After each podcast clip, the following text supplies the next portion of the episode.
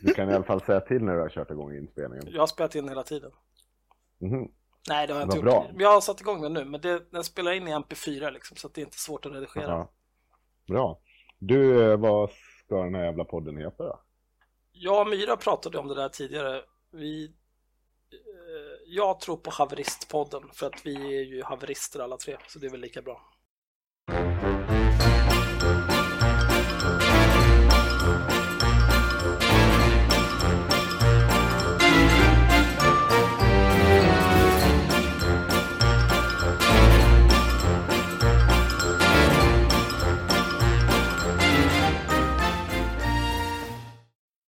Första ämnet då, och um, vi kan väl, första ämnet, vi kan väl börja med att presentera varandra. Och jag föreslog ju att vi skulle presentera varandra, men det vart ju gravt nedröstade va? Eh, Det där är, så här, väl- det där är lågstadiebeteende, så här, att hålla på med klapplekar och kasta bollar och skit. Jag är 37 år gammal, jag går inte med på det där. Men alltså, när vi, vi föreläste i Örebro så sa jag så här, Henrik, ska vi inte presentera varandra när vi går in och ska föreläsa? Och då sa du till mig så här, det är sånt där man gör på ABF. Och så vägrade du. Ja, där ser du, du gillar inte heller det här. Nej, men presentera då Axel. Hej, jag heter Axel Luo Öhman. Jag är 37 år gammal, född och uppvuxen i Stockholm, den kungliga huvudstaden. Här jobbar jag med IT. På min fritid så spelar jag dataspel, dricker öl och hatar på idioter på internet. Bra presentation. Tack! Myra? Ja, jag heter Myra Åbekarman. Jag är någon sorts sociala medier-nörd. Jag gillar internet. Jag gillar att hata för Sverigedemokrater, vilket jag gör med viss framgång åt inte rasismen. I övrigt så är jag väl någon sorts, någon sorts nättroll och skribent för det mesta. Du är också Sveriges mest eh, kända antirasistiska urringning. Det stämmer, det är jag också. Tack vare säga. TV4. Mätningar. Har du gjort mätningar på det här? Du menar om vi har källa på det? Jag tror att det är konstaterat av Daniel Friberg faktiskt. Okej. Även, Att jag har eh, vänsterns bästa urringning. Även Daniel Wresig har ju varit där och sökt bekräftelse på olika sätt och vis. Ja. Och jag som tar rollen som den gode mannen här är Henrik Johansson. Eh, 30, snart 35 år gammal. Eh, bor i Dalarna och är grundare av sajten Inte Rasistmän. Och eh, dagens första ämne är eh, oundvikligen terrordådet i Stockholm. Och, eh, men vi ska väl inte gå in på så jättemycket om vem han är eller den här terroristen var, för det finns ganska knapphändig information än så länge. Däremot så tänkte vi att vi skulle diskutera vem som var vidrigast efter terrordådet. Var det extremhögern som ringde till Aftonbladet och försökte avkräva dem att visa bilder på lemlästade människor, eller var det Joakim Lamotte som en timme efter terrordådet gick ut och berättade exakt vad som hade hänt och tiggde pengar samtidigt? Vad säger ni två? Alltså Lamotte är ju äckligare för att, att, att det ringer psykotiska människor till SVT det, eller SR eller vad som helst. Det gör de ju alltid liksom. Det finns ju alltid någon dåre som ringer och beter sig illa. Men eh, just Lam, Lamotte, om han hade, när han la upp den där eh, sin, sin svansång, om han hade lagt upp sin, eh, sitt swish-tiggeri direkt, då, då hade det inte varit ett så stort problem. Men det är ju det här att han redigerar in det senare som är så jävla genomvidrigt. Vad säger du Myra? Alltså jag, jag tycker ju så här, jag kan ju liksom hur illa jag än tycker om högerextrema, och det, det gör jag verkligen, jag tycker verkligen hemskt illa om dem, så drivs ju de ändå av någon sorts ideologisk övertygelse. Men alla mått mest verkar drivas av att han vill ha så mycket uppmärksamhet som möjligt. Och det tycker jag gör honom snäppet värre faktiskt. Ja, men de här jävla högerextrema gör ju det de gör för att de någonstans i sina liksom skruvade fantasier tror att det här är viktigt för samhället i bästa fall. Jag tror inte att Lamotte har någon sorts djupare tanke i det han gör mer än att liksom, han vill kunna försörja sig på att göra arga videos i bilen. Fast nu vid närmare eftertanke, jag såg på Facebook eh, tidigare idag så såg jag något, något bildmontage på eh, den här 11-åriga flickan som, som omkom. En bild på henne. Det var, hon var, det var tre bilder som var ihopmonterade. Jag kommer inte ihåg vad det var längst till vänster, men hon var i mitten. Och sen var det en bild från ja, området kring Åhléns. Och det Mm. någon som uppenbart hade blivit träffad av lastbilen. Och det var ju någon av det här, det här jävla högerslöddet som spelade där. Och det är Mm. nog, jag ändrar mig, det är fan äckligare att hålla på sådär och sprida bilder på lemlästade barn. Då, Det är ganska vidrigt. Det, den har spritts jättemycket i Tyskland av någon anledning. ja, men, tyskar är ju sjuka i huvudet. Går man in liksom och söker på hennes namn på Facebook så får man ju fram miljoner variationer på just den här posten som du nämnde. Ehm, och nästan alla är delade av tyskar av någon anledning. Ja, jag googlar extremt sällan till Facebook, men där kände jag att nej tack. Mm, jag, var ute på en, jag var ute och rapporterade ett gäng också. Det var därför jag sökte efter den. Ja, jag vet inte, jag, jag såg, eh, jag lyssnade på um, eh, Idioterna på Granskning Sverige som eh, både ringde till DN och Aftonbladet och hade olika approach till det hela. På, hos DN var det att man pressade man upp den här bilden på en person som ligger lemlästad med ja, kroppsdelar som ligger vid sidan av. Och det enda man egentligen hade dolt det var just gapet mellan kroppsdelarna. Och så la man upp en bild på han Alain Kurdi eller Mm. uttalare. Eh, och så ringde de och krävde att eh, man var tvungen att visa de här offren för att det var deras fel på DN. Och detsamma resonemang förde man till Aftonbladet. Och det är ju någonting fundamentalt fel i huvudet på en människa som ringer upp till tidningen eller till okända personer. Jag menar, det hade ju lika gärna var någon som hade kunnat haft de här, känt de här människorna eller någon som, som trycker upp det här och flyter på. Alltså det är vedvärdigt. Men jag har också jävligt svårt för Lamotte och det här att försöka profitera på det, tydligt profitera på det direkt efteråt. Det är alltså så här, gå en timme efteråt så har han en hel världsbild för sig. Han har ingen jävla aning om vem det är som de har, eh, som har gjort det här dådet, men han har redan för, klart för sig att IS är inblandade och så vidare och så vidare. Och han drar världens halang att alla politiker borde, de har ignorerat det här problemet, vilket såklart inte är sant. Och sen därtill då, nej men låt mig tjäna lite pengar på att jag sitter här och skriker på göteborgska. Ja, men det är som, som. Myra var inne på att de här, alla de här jävla högerspökena, de är ju ideologiskt motiverade. Men Ja. det, det, som, det, det är ju äckligt på olika sätt. Alltså de är ju äckliga för att de inte tvekar att använda en, en död 11-åring för att driva sitt politiska och ideologiska narrativ. Det är ju vidrigt. Men båda Lamotte, försöker tjäna pengar, båda försöker ju tjäna på det i slutändan på ett sätt eller annat. jo men det är ju, alltså jag, jag kan ändå, ideologi det gör ju mycket med folk liksom. Den här jävla Mm. clownen som körde den här lastbilen till exempel, det är ju på grund av ideologi. Men Lamotte, han vill ju bara tjäna pengar. Det är ju äckligt på ett helt annat vis.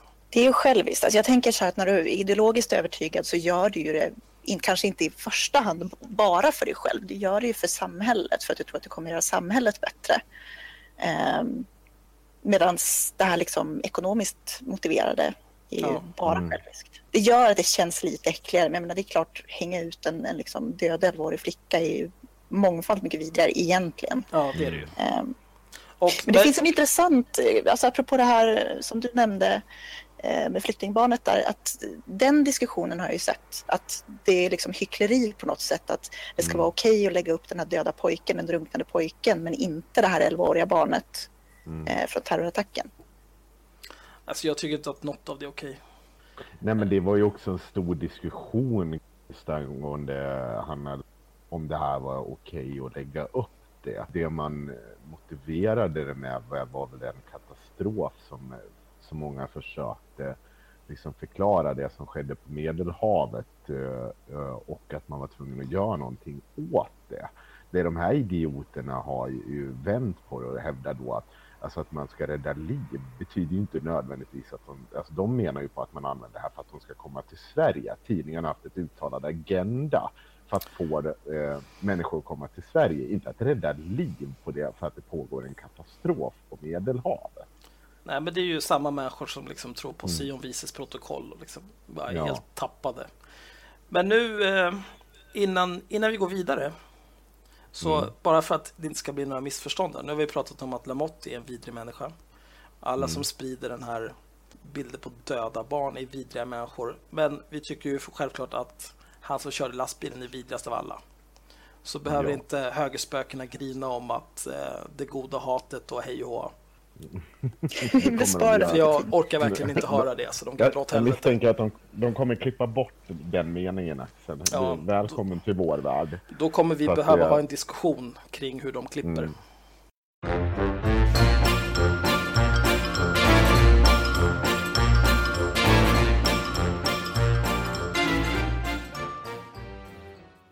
På tal om Lamotte och det han uttalar i den här videon, vad tycker ni om alla de här eh, förstås, alltså terror, självutnämnda terrorexperterna och eh, vad var det jag sa-ivrarna? Vad tycker ni om dem? Jag tycker att eh, det är fantastiskt. Alla de här människorna som sitter liksom och har mer på fötterna än Säpo liksom, plötsligt. Som har suttit i sin källare och liksom sett det här hända i flera år. Mm. Men de väntar med att komma ut med det efter att det har hänt. Jag tycker att det är, det är, det är fascinerande. Att de är så många Ja. liksom. Nej, men alltså det är skitfånigt. Jag vet, att, alltså jag vet att det var en diskussion om det här just att vem fan är det som liksom har varit, är det någon människa i Sverige som har sagt nej men det kommer inte hända något terrordåd här. För det är den retoriken de har. Det är så här, vi har Ja. sagt att det här skulle hända, ni har sagt att det aldrig skulle hända, haha, ni hade fel. Finns det någon som har sagt det överhuvudtaget? Det är, det, mest, det är den största jävla halmgubben som har skådats tror jag. Men jag tror att hela den, den, alltså vi lever i en tid där det finns en, det finns en sida i politiken utan att nödvändigtvis definiera den som, om man säger så, som SD eller sånt, för den är nog större än så, som har en gigantisk halmgubbe de slåss just nu. Som man känner man får medvind om man slåss mot. Och då, det, ur den halmgubben kommer just den här retoriken att eh, nej men vi, det här har vi sagt i flera år och ni har ju bara stått och förnekat att det kommer ske terrordåd. Bara, men vänta, alla har ju liksom trott att det kommer att ske. Alltså det är snarare en fråga om när det kommer ske. För att hela fucking, eller IS eller de här eh, galna islamistiska fundamentalisterna som tyr sig till den här rörelsen, de är i krig med hela fucking världen. Ja. Det är som, Men det här fenomenet är ju... det- Det har ju alltid funnits. Det är ju som liksom... Det är bara att kolla när det är fotbolls-VM liksom. Sitter liksom 130 kilos gubbjävlar 50 plus i soffan och ska berätta för Zlatan hur han ska spela fotboll liksom. Håll käften bara. Vet ju ingenting. Ja, men det är lite så att vara liksom baksätesförarna. Ja, Mm. Skillnaden här är ju liksom att eh, de ser det som att etablissemanget slash PK-media slash vänstern slash feministerna har gått och sagt, alltså i deras, i deras världsbild så har ju de här människorna gått och sagt. Nej, det kommer aldrig hända något terrorbrott. Det är ni som är dumma. Det här går jättebra. Vi ska släppa in alla IS-krigare och liksom ge dem gratis körkort. Det kommer gå så bra. Det är så de ser på liksom hur, hur debatten har förts. Och det spelar liksom ingen roll att man försöker fråga så här, vem är det som har sagt att det här inte kommer hända? Vem är det du slåss mot egentligen? Eh, man får inget bra svar på det. Det här är ju ett enormt hopp nu egentligen i diskussionen. Men känner, känner du dig igen dig själv Myra när du sitter och pratar om identitetspolitik? Är det en Mm. gigantisk halmgubbe du slåss mot där? Ja, ja absolut. Alltså, det, blir, det, blir ju, det finns ju väldigt många, det här har vi konstaterat, det här kanske blir en snygg övergång in till nästa ämne möjligtvis. Men inte vi har ju nu när du har konstaterat det här. Ja, ja okej, du, du får klippa bort det här sen. Nej, men Mm. jag tänker så här. ehm, jag och Axel var ju båda administratörer i Hatklubben. Mm. Eh, och vi skrev ju vid ett tillfälle ett eh, manifest, kan man kalla det för det?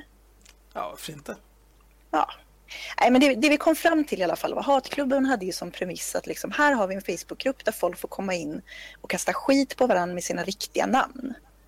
Och sen så drar vi in ett par typ halvkändisar så att liksom, vanliga människor kan få kasta skit på dem och tycka att det är kul. Och det funkade ju över förväntan ibland tills det blev tråkigt. Men det vi märkte var så här att vi hade ju verkligen alla typer av människor representerade där. Vi hade nazister, vi hade vänsterextrema, vi hade liksom you name it, allt däremellan. Vi- Vilka Eh, var de där jävla vänsterextrema egentligen? Det fanns inte så många de- vänsterextrema faktiskt. Inte så många vänsterextrema, det var Nej. många vänster. Men det fan, vi Ja, hade vänster. några före detta vänsterextrema. Mattias Våg var ju till exempel, han var ju admin där ett tag Mm. också. Länge till Ehm. och med. Men det problemet med hatklubben var ju alltså alla grupper på Facebook som inte modereras hårt eh, mot liksom, eh, ja vad ska man säga, som högerspökena säger, PK eller åsiktskorridoren. Där det liksom, Mm. om, det, om det finns en grupp där du kan skriva neger hur mycket du vill utan att det händer någonting, då kommer Mm. det flockas högerspöken dit. Och då får man Mm. massa nazister och annat slödder. Mm. Eh, och det var ju mycket det vi hade liksom. Det var ju, och sen också de här jävla narkokapitalisterna, jordens Ja. slödder. Men vi hade faktiskt alltså, övervägande vänsterfolk tror jag när vi gjorde den sista. Eh, vi gjorde ju någon omröstning. De flesta aktiva var vänster vill jag minnas. Ja, alltså, Frihetlig vänster. jo, det stämmer nog. Just, men det var ju mycket extrema människor. Det var ju Sverigedemokrater, liksom, de här run of the mill som är med i Mm. Folket Sverige, står upp för Peter Springer och all den där skiten. De härdade Mm. ju inte ut liksom, för att de blev ju sönderhatade. Dels för att de Precis. är så jävla odugliga. De kan inte försvara sina åsikter eller ståndpunkter.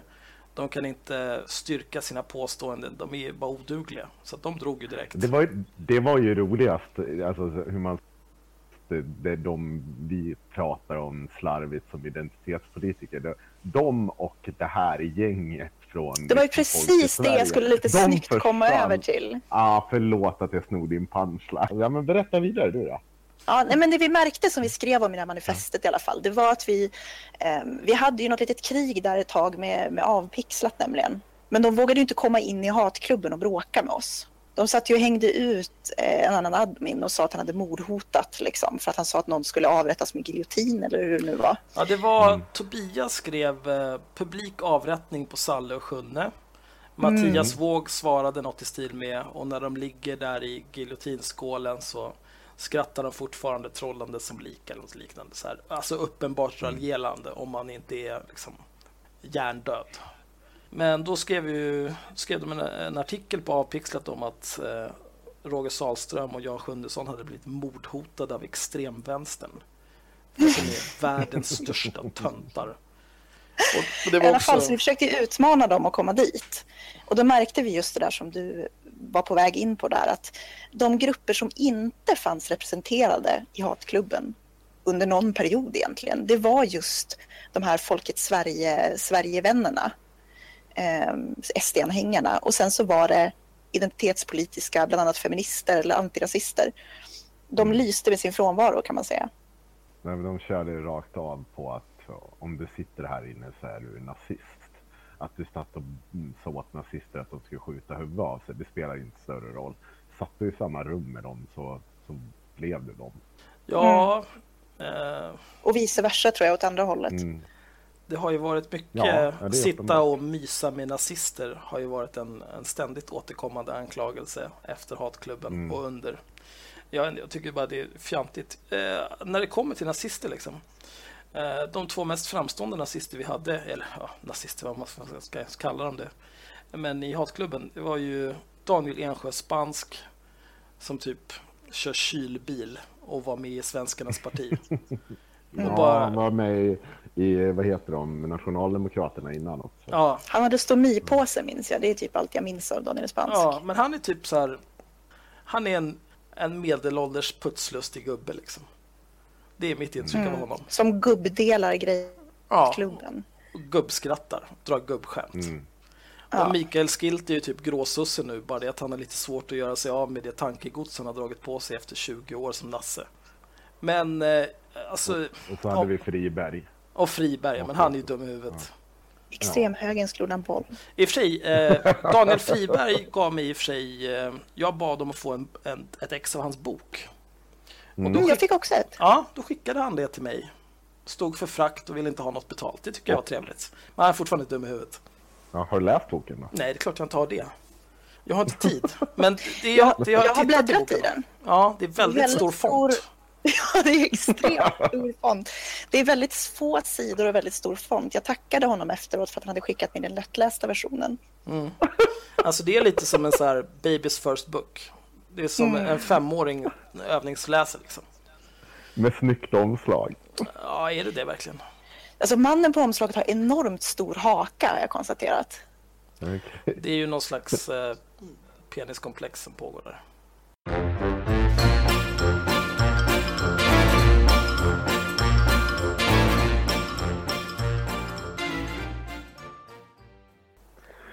Men på tal om trygga rum och så vidare. Jag tycker att vi ska gå vidare eh, med att diskutera just det, ställa lite grupper mot varandra. Och då menar jag grupper på Facebook. Eh, för jag tänkte just att vi skulle diskutera Rosa aporna som eh, i alla fall jag och du Myra är bannade ur så härliga till om. Mm. Axel, hur ser det ut för dig? Är du kvar? Ja, jag är kvar, men det är för att jag klarar av att eh, förhålla mig till gruppens premisser. Jag var alltid väldigt, väldigt, jag betedde mig alltid väldigt trevligt till aporna. Eh, jag blev ju bannad för att jag var med i en satirgrupp om Lady Damer. Du kan få gråta om det sen Myra, vi vet Ja, men jag tänker inte gå in på det. Det är, det är fortfarande ont. Inte... Men vi kan väl berätta lite vad rosa aporna är? Alltså det är varför... Får jag? Va... Okej, berätta du. Varför apor aldrig bär rosa klänning presenteras som en eh, diskussionsgrupp vad gäller feminism Mm. och relaterade frågor.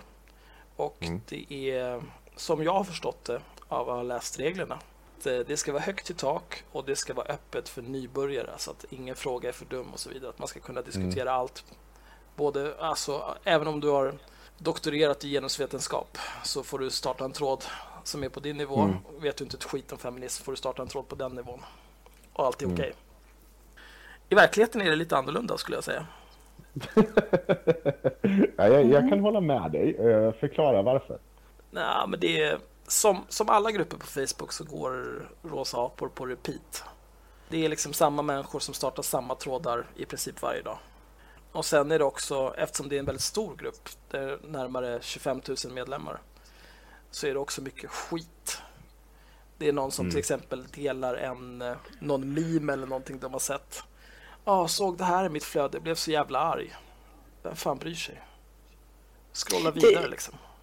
Det bästa de gör tycker jag, det är när de hittar ett sånt här meme som du pratar om, säg att det är liksom ett sexistiskt, borderline sexistiskt meme.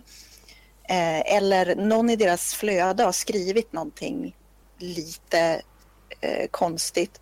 Och sen delar de det till aporna och säger så här, hej jag såg det här och jag blev väldigt upprörd men jag vet inte riktigt varför. Kan ni förklara för mig varför den här är problematisk? Ja, det där är så jävla tragiskt. Det tycker jag är det absolut roligaste de gör. Eller, ja, ja, det här skrev min kusin idag på Facebook. Kan ni tala om för mig hur jag ska tala om för den här personen att det här är fel? Varför är det här fel? Ja, men det där är ju ett, ett typexempel på det här med varför identitetspolitik är dåligt. Folk anammar någon form av identitet, men de vet inte varför och de kan inte förklara varför, de kan inte försvara de ståndpunkterna som det handlar om eller ingenting. Utan det är bara, jag har valt ett lag. Varför hejar du på Djurgården? Nej, jag vet inte. Snygga färger. Mm. Ja, ja, precis. Det är en bra sammanfattning. Jag skulle säga att det är verkligen en, en del av problemet. Det har ju precis samma debattklimat i Folkets Sverige till exempel. Ja. Fast då är det Sverigevänner. Mm. Det är så att så Ja. fort du ifrågasätter någonting så blir du vänsterextrem feminist, eh, feminazi liksom. Ja. Eh, Fast Eller skillnaden skulle jag säga är att i, i Folkets Sverige finns det inga riktiga auktoriteter. Utan där är liksom, det är bara ett, ett, det är en mycket större grupp i och för sig. Så att det, kanske, det kan vara att namnen smälter ihop för mig eftersom de skriver lika dumma saker allihopa. Men jag skulle säga att i Rosa apor, Nej, men- där finns det tydligare auktoriteter vad gäller i alla fall vissa ämnen. Ja, men det Ja, stämmer nej, nog. Det är, en, det, är en helt det- annan, jo, men det är en helt annan personkullskultur i Rosa apor än vad det är i Folkets Sverige. Absolut, det, det, jag håller med. Det, det tror jag är verkligen sant. De- De här personkulten i aporna, det är ju, kretsar ju kring admin, Lady Damer, med några till som är väldigt aktiva. Finns det folk som är aktiva i andra typer av ämnen som jag missar där? Eh, Du har Maria Engelvinge, eller vad hon kallar sig numera, som skriver väldigt mycket om fett, positivism och sådana här saker, Mm. till exempel. Hon har slutat skriva.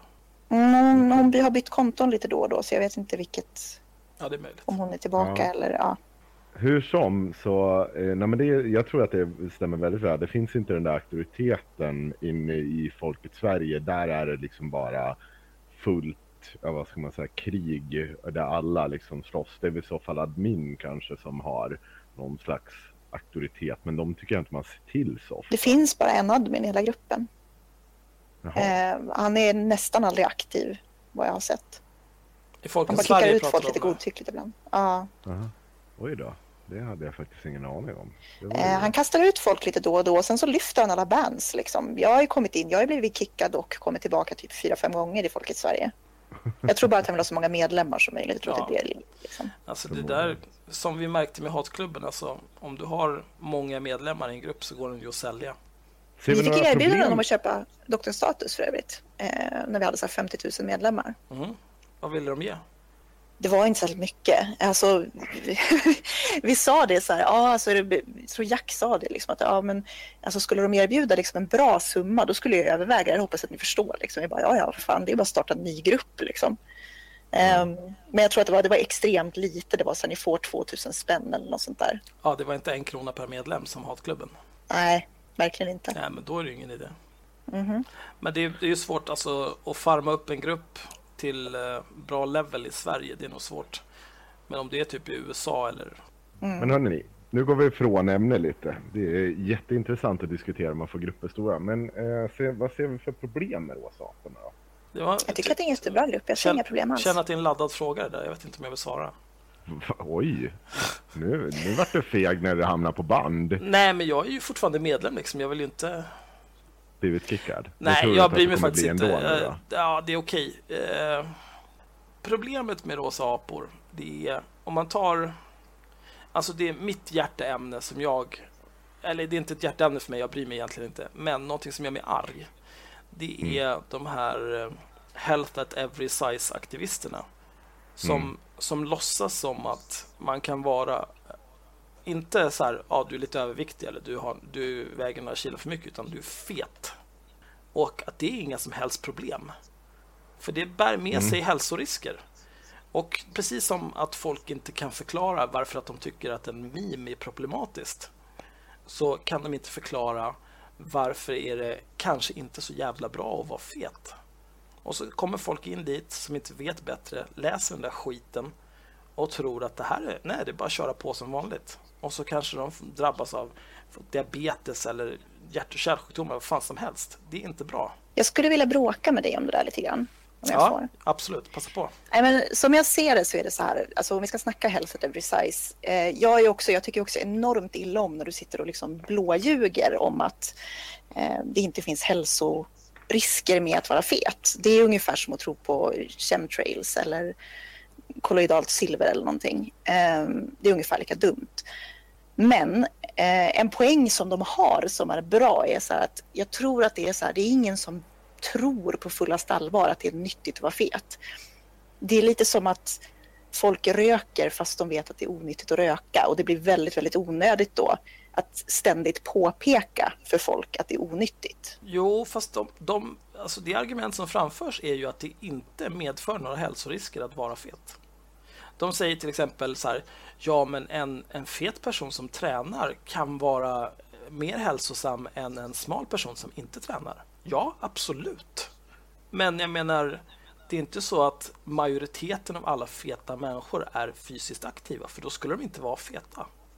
Nej, men ja, nej det är sant. Och- Men, och jag håller med dig Axel lite för att jag har ju till exempel sett Lady Darmer sitta och liksom såga folk vid fotknölarna när hon har gjort ganska så här utsvävande eh, uttalanden om att det här är liksom inte ett problem med fetma. Det är i alla fall, hur ska jag uttrycka mig, hon har ju tangerat vid sådana uttalanden och folk bara, ja men vänta nu liksom. Hon, vid något tillfälle så pratade hon om att eh, vad- det hade någonting med rökning att göra. Eh, hon jämförde med rökning på något sätt, men samtidigt så var det inte... Jo, hon var väldigt upprörd tror jag det var av, Gabriel Wikström som hade gått ut, eh, alltså vår folkhälsominister som hade gått ut och sagt att han skulle promota liksom sundare levande och sånt i, i, i skolan. Och det var väl inget konstigt tyckte man, men det tyckte inte hon om. Eh, och så drog hon en massa argument och där var det ju folk som, men det här är väl inget problem med att man, det är väl jättebra om staten går in och främjar sånt. Ja, folkhälsan. Men, Det är Ja, deras jobb skulle man kunna Ja, det är påstå. deras jobb ja. Eh, men där hon sågar ju folk vid fotknölarna där. Då, då tyckte jag, då håller jag med dig Axel, att det är liksom så här. Det här är ju helt vansinnigt att sitta och säga som stor opinionsbildare. Det är ju dels inte sant. Om du vill vara en aktivist i de här frågorna, det är ju, folk ska inte behöva bli nedsedda på för att de är överviktiga. Det är väl det vi ska komma bort ifrån. Nej, men det är ju en helt annan fråga. fo- Ja, jag vet. Men det, hon blandar ihop de två. Framförallt Lady Damer. när hon i sin aktivism. Jo, men det, ja, jag vet inte vad jag ska säga om det. Det är fel. Men jag, men jag kan säga så här. Eh, jag har en kollega. Han har... Mm. Eh, jag är ju inte pinsmal. Eh, jag har en kollega som har en större ölmage än vad jag har. Mm. Och jag kan garantera att trots att han har en större ölmage än vad jag har så är han mer hälsosam än vad jag är. För att varje lördag och söndag så dömer han tre till fem bandy eller fotbollsmatcher och springer hela jävla dagarna. Mm. Det går jag absolut med på.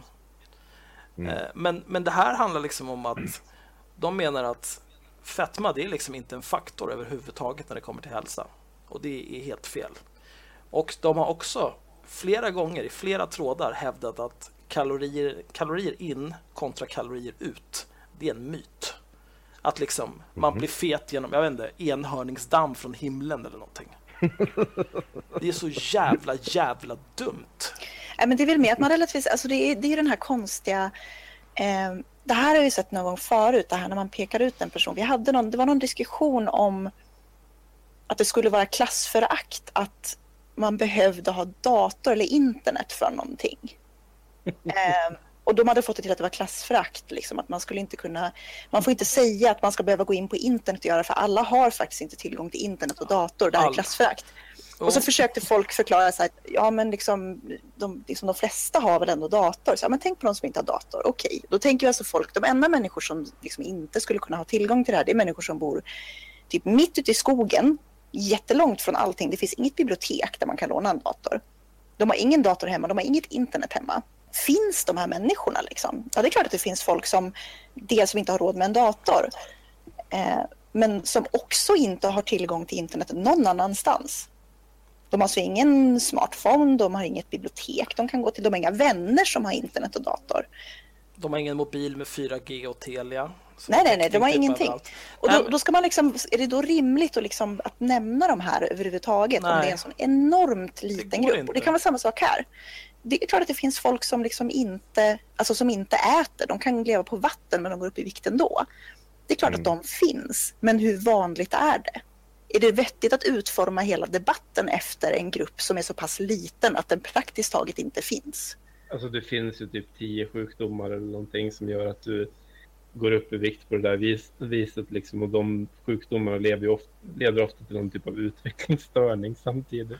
Ja, Och då se, nu, får jag väl helt plötsligt... Ja, nu måste, jag, måste vi presentera dig också, Andreas. Får vi presentera, för gästspelare? det här spelas Mm. in. Okej. Men det är lugnt för att jag och Axel redan pratat om att vi ska byta ut Henrik för att Ha, han är vit och vi, straight har, vi har, nått, har vi nått total representation nu? Nej, vi har ingen transsexuell. Ja. Men Jag är jag, nog- jag är svartskalle och Andreas är bög. Och Myra är kvinna. Och jag är Och bara en vit du är bonde. man. Du kommer från Dalarna. Det är nog av ett handikapp för att du ska kunna se att det är liksom funkofobi-foten uppfylld tror jag.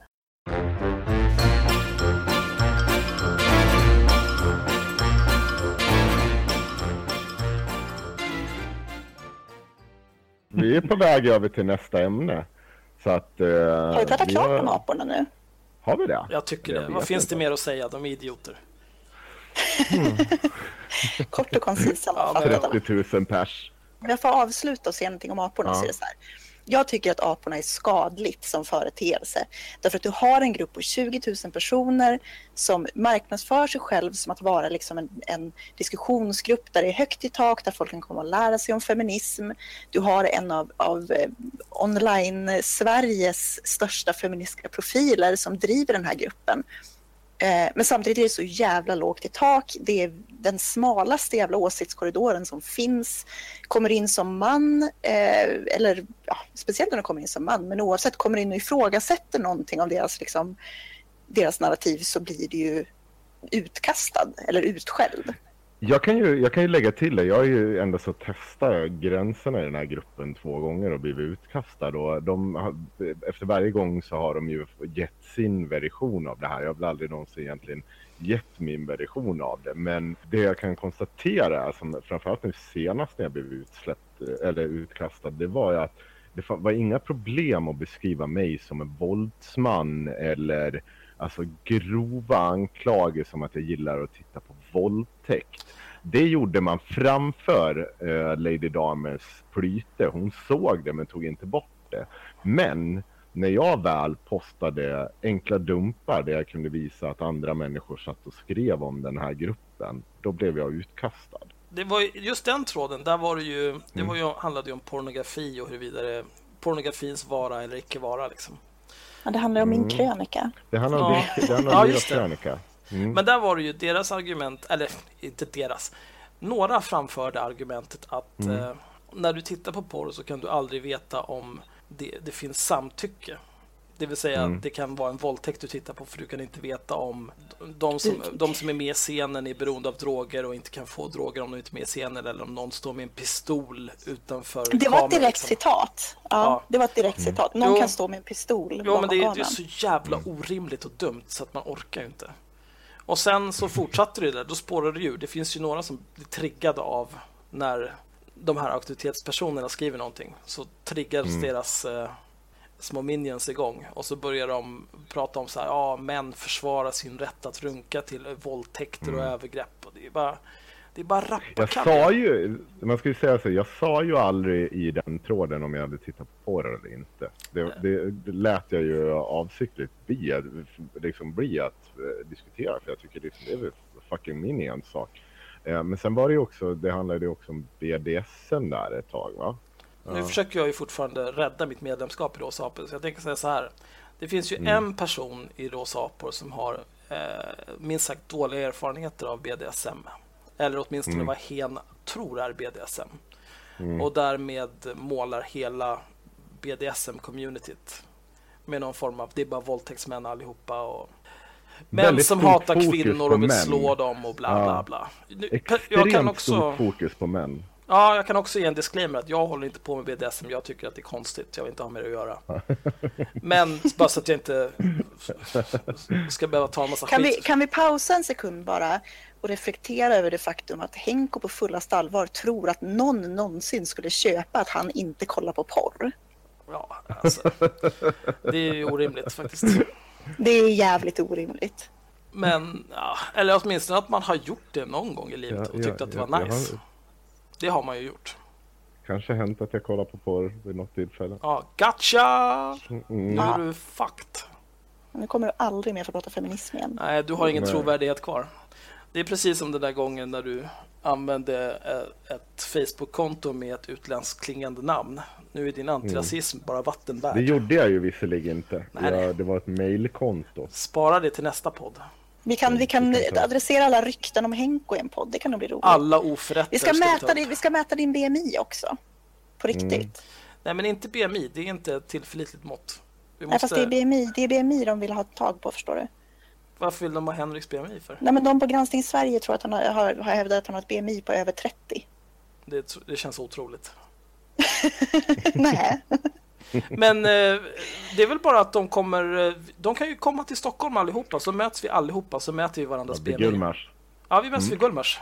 Hur fan är det man mäter BMI förresten? Det är, eh, det är typ höjden delat på vikten eller någonting. Det finns ju tusen online calculators, det är bara att gå in.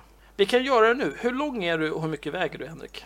190, eh, en- 190 centimeter och så tror jag väger nu kanske 95 någonting, mellan 95 och 100. Ska vi räkna högt då? Vi säger 100 kilo. 27,7 är ditt BMI då. Och anledningen till att de eh, vill att det ska vara över 30 är förmodligen för att man är fet om man har ett BMI över 30. Men det är, eh, Ja. som det ofta nämns i Rosa apor när det är de här fettdiskussionerna så är det ju att muskler väger mer än fett. Och Ja. det här tar bara hänsyn till ens vikt. Det du behöver göra egentligen, du behöver sänka ner något jävla badkar och mäta kroppsfettsprocent och så vidare. Nej. Så att en bodybuilder som är bara muskler skulle ha väldigt Mm. högt BMI för att muskler väger mer. Men det här, det här går ju att använda betraktas. typ för att mäta eh, alltså spädbarns utveckling. För att Mm. det, de, de styrketränar inte så mycket. Oj, vilken tråkig diskussion vi låter. Eh, hur som haver, det jag tycker det är dags att gå vidare. Nu har vi varit inne på Paus. rosa apor. Paus.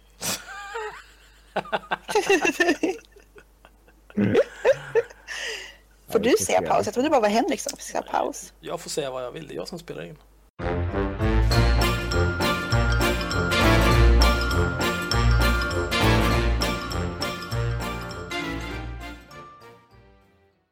Säger så här. Jag tycker att vi rör oss vidare och eftersom vi redan har varit inne och snubbna på ämnet, det är just det här eh, med intern kritik. Eh, jag skulle vilja säga någonting som ropas allt högre idag från, om vi säger kallar, vi kan lite breda lag säga den antirasistiska rörelsen, den feministiska rörelsen, den ja, vad ska man säga, vänsterrörelsen överhuvudtaget så är det väldigt många som säger att det är alldeles för mycket intern kritik. Och personligen så håller jag inte riktigt med. Jag tycker att det i, i viss mån är alldeles för lite intern kritik. Däremot så kan jag tycka att det finns ganska mycket tramsig, tramsiga former av intern kritik där det just eh, handlar om sånt vi har pratat om, tagit upp rosa aporna till exempel, där du inte kan vara, där människor kritiseras att du kan inte vara en feminist om du har tittat på porr eller om du har, håller på med BDSM eller inte tycker det är liksom någonting som ska likställas vid pedofili och så vidare. Så jag slänger väl ut frågan, vad tycker ni? Är det, eh, är det för lite eller för mycket intern kritik? Ska vi ha mer ryggdunk eller ska vi ha mindre ryggdunk? Eller ska vi bränna ut de vi tycker är kassa? Det, som du var inne på där, det handlar ju om vad för slags kritik det är. Om, om någon kritiserar dig för dina skor, liksom, det är kanske inte superrelevant. Men, men så länge kritiken är relevant, om det handlar om åsikter man uttrycker eller personer man stödjer då tycker jag att det är okej att kritisera till tidens ände. Jag förstår inte tanken att man någonstans ska liksom hålla all den här kritiken, den här interna kritiken, att man liksom ska bita ihop om den. Um, argumentet brukar vara så att det gynnar liksom motståndarsidan. Det är bättre att man liksom håller ihop till exempel inom vänstern än att högern, eh, som traditionellt är mycket bättre på att liksom hålla internt, eh, hålla, hålla varandra om ryggen, att det är bättre då att man biter ihop och liksom accepterar idioter på ens egen sida för att man ska kunna eh, vinna över högern så att säga. Jag tycker inte riktigt det är ett hållbart argument. Jag vet inte om jag vill, liksom, hur mycket är den vinsten värd då om hälften av dem jag vinner med är liksom utvecklingsstörda? Det är ju kontraproduktivt framförallt. Man vill ju visa att det man själv står för är ett bättre alternativ. Och mm. om man då, som Sverigedemokraterna till exempel, de har ju försökt tysta ner sexuella övergrepp inom partiet. Mm. Vill, vill, man vara liksom som dem och tysta ner sådana saker och låtsas som att nej, men här är allting är bra. Nu är det enad front utåt bara för att få röster. Ja, men en sån rörelse skulle inte jag vilja vara intresserad av. Hycklare är fan det värsta jag vet. När vi anklagades ju för att vi skulle hålla liksom splittra rörelsen när vi kritiserade Rashid Musa och Sveriges unga muslimer. Men det var vilken ju... rörelse är han en del av? Den antirasistiska tydligen. Lite oklart, ja jag tycker att det blir en konstig gruppering. Det blir en enormt bred gruppering. Jag skulle vilja säga så här att normen borde ändå vara att vara antirasist eh, om du inte är rasist. Liksom. Så att antingen så blir den antirasistiska rörelsen enormt stor om man räknar in alla som liksom accepterar att människor av olika hudfärg och kulturer kan komma överens. Eller så blir den jättesnäv om man ska säga att ja, men antirasism kan bara vara antirasism om det förs på det här sättet.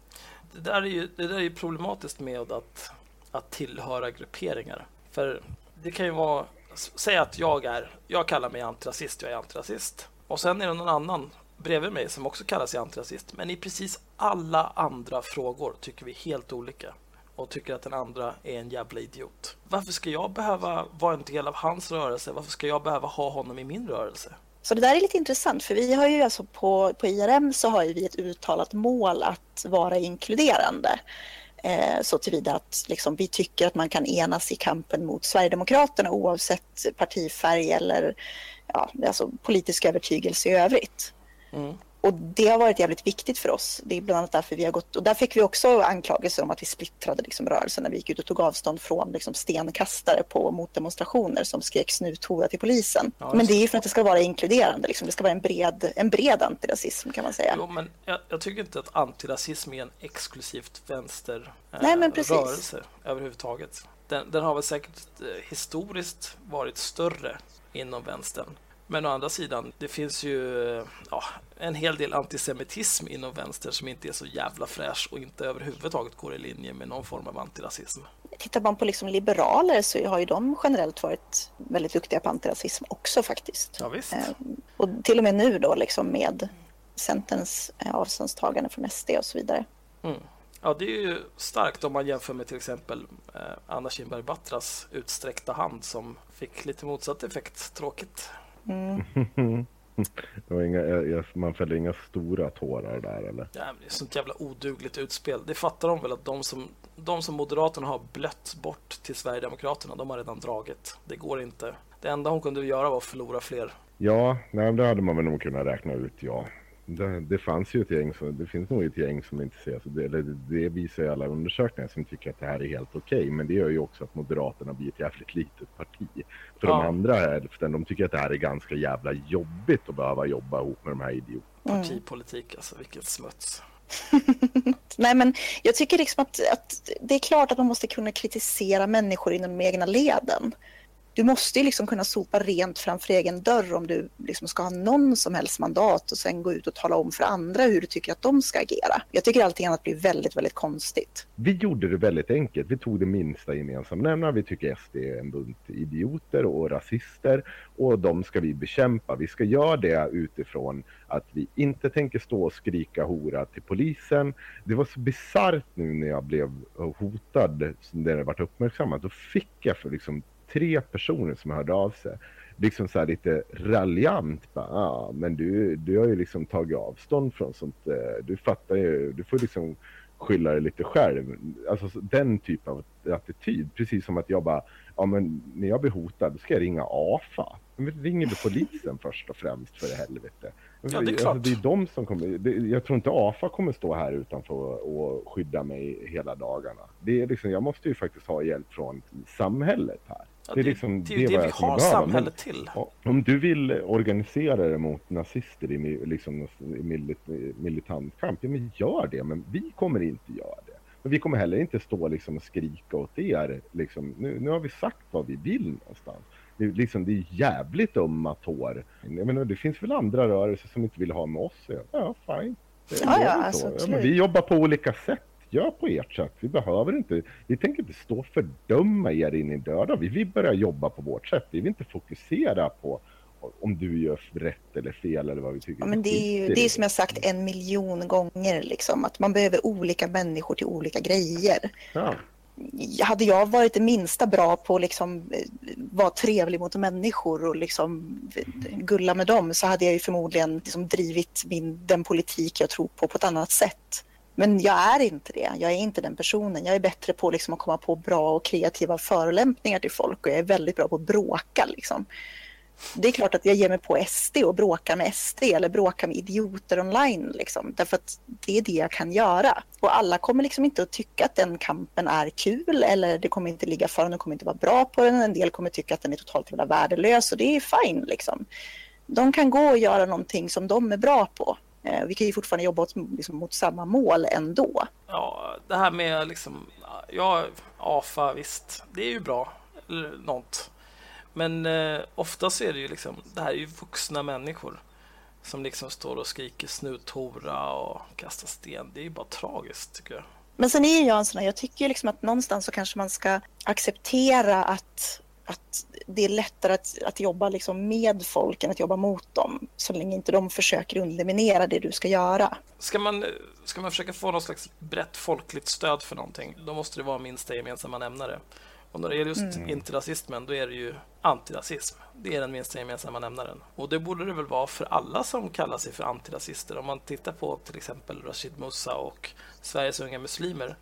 Försöker man ha någon form av normal diskussion med någon från det lägret, då är det alltid att muslimer, de är alltid rasifierade, om vi använder det ordet. Och rasifierade ses alltid som muslimer om de kommer från rätt eller fel land, beroende på hur man ser på det. Det jag menar det är liksom att det, det dras någon slags likhetstecken mellan att vara någon form av svartskalle och muslim. Och är du muslim då är du också automatiskt någon form av svartskalle så att man alltid kan spela dubbla kort, islamofobi och rasism samtidigt. Eller det kort som Men passar is, bäst. islamof, islamofobi är en del, en, bara en form av rasism. Ja, det beror på. Alltså, jag, jag tror inte att eh, vita muslimer känner det.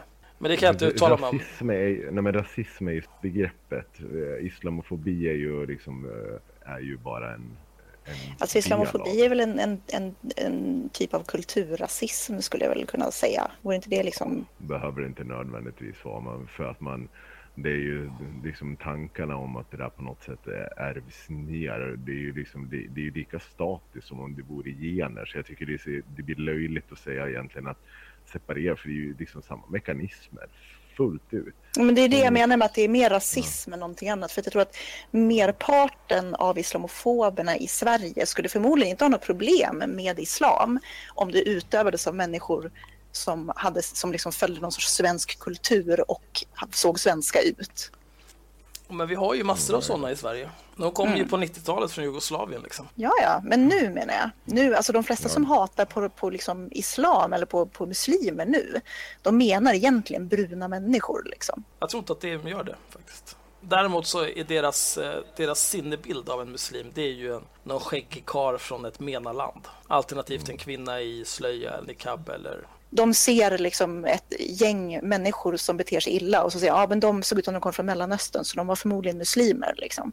Och det där späder på någon sorts islamofobi. Mm. Jo, så de kan är ju väldigt, väldigt, väldigt tätt sammanknutna.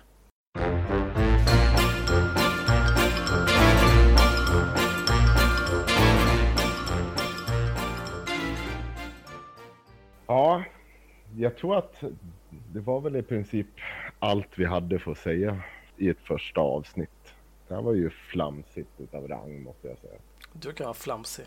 Men vi kan ju Men, avsluta eh, podden med att låta våra två till fem lyssnare välja ett ämne till nästa podd.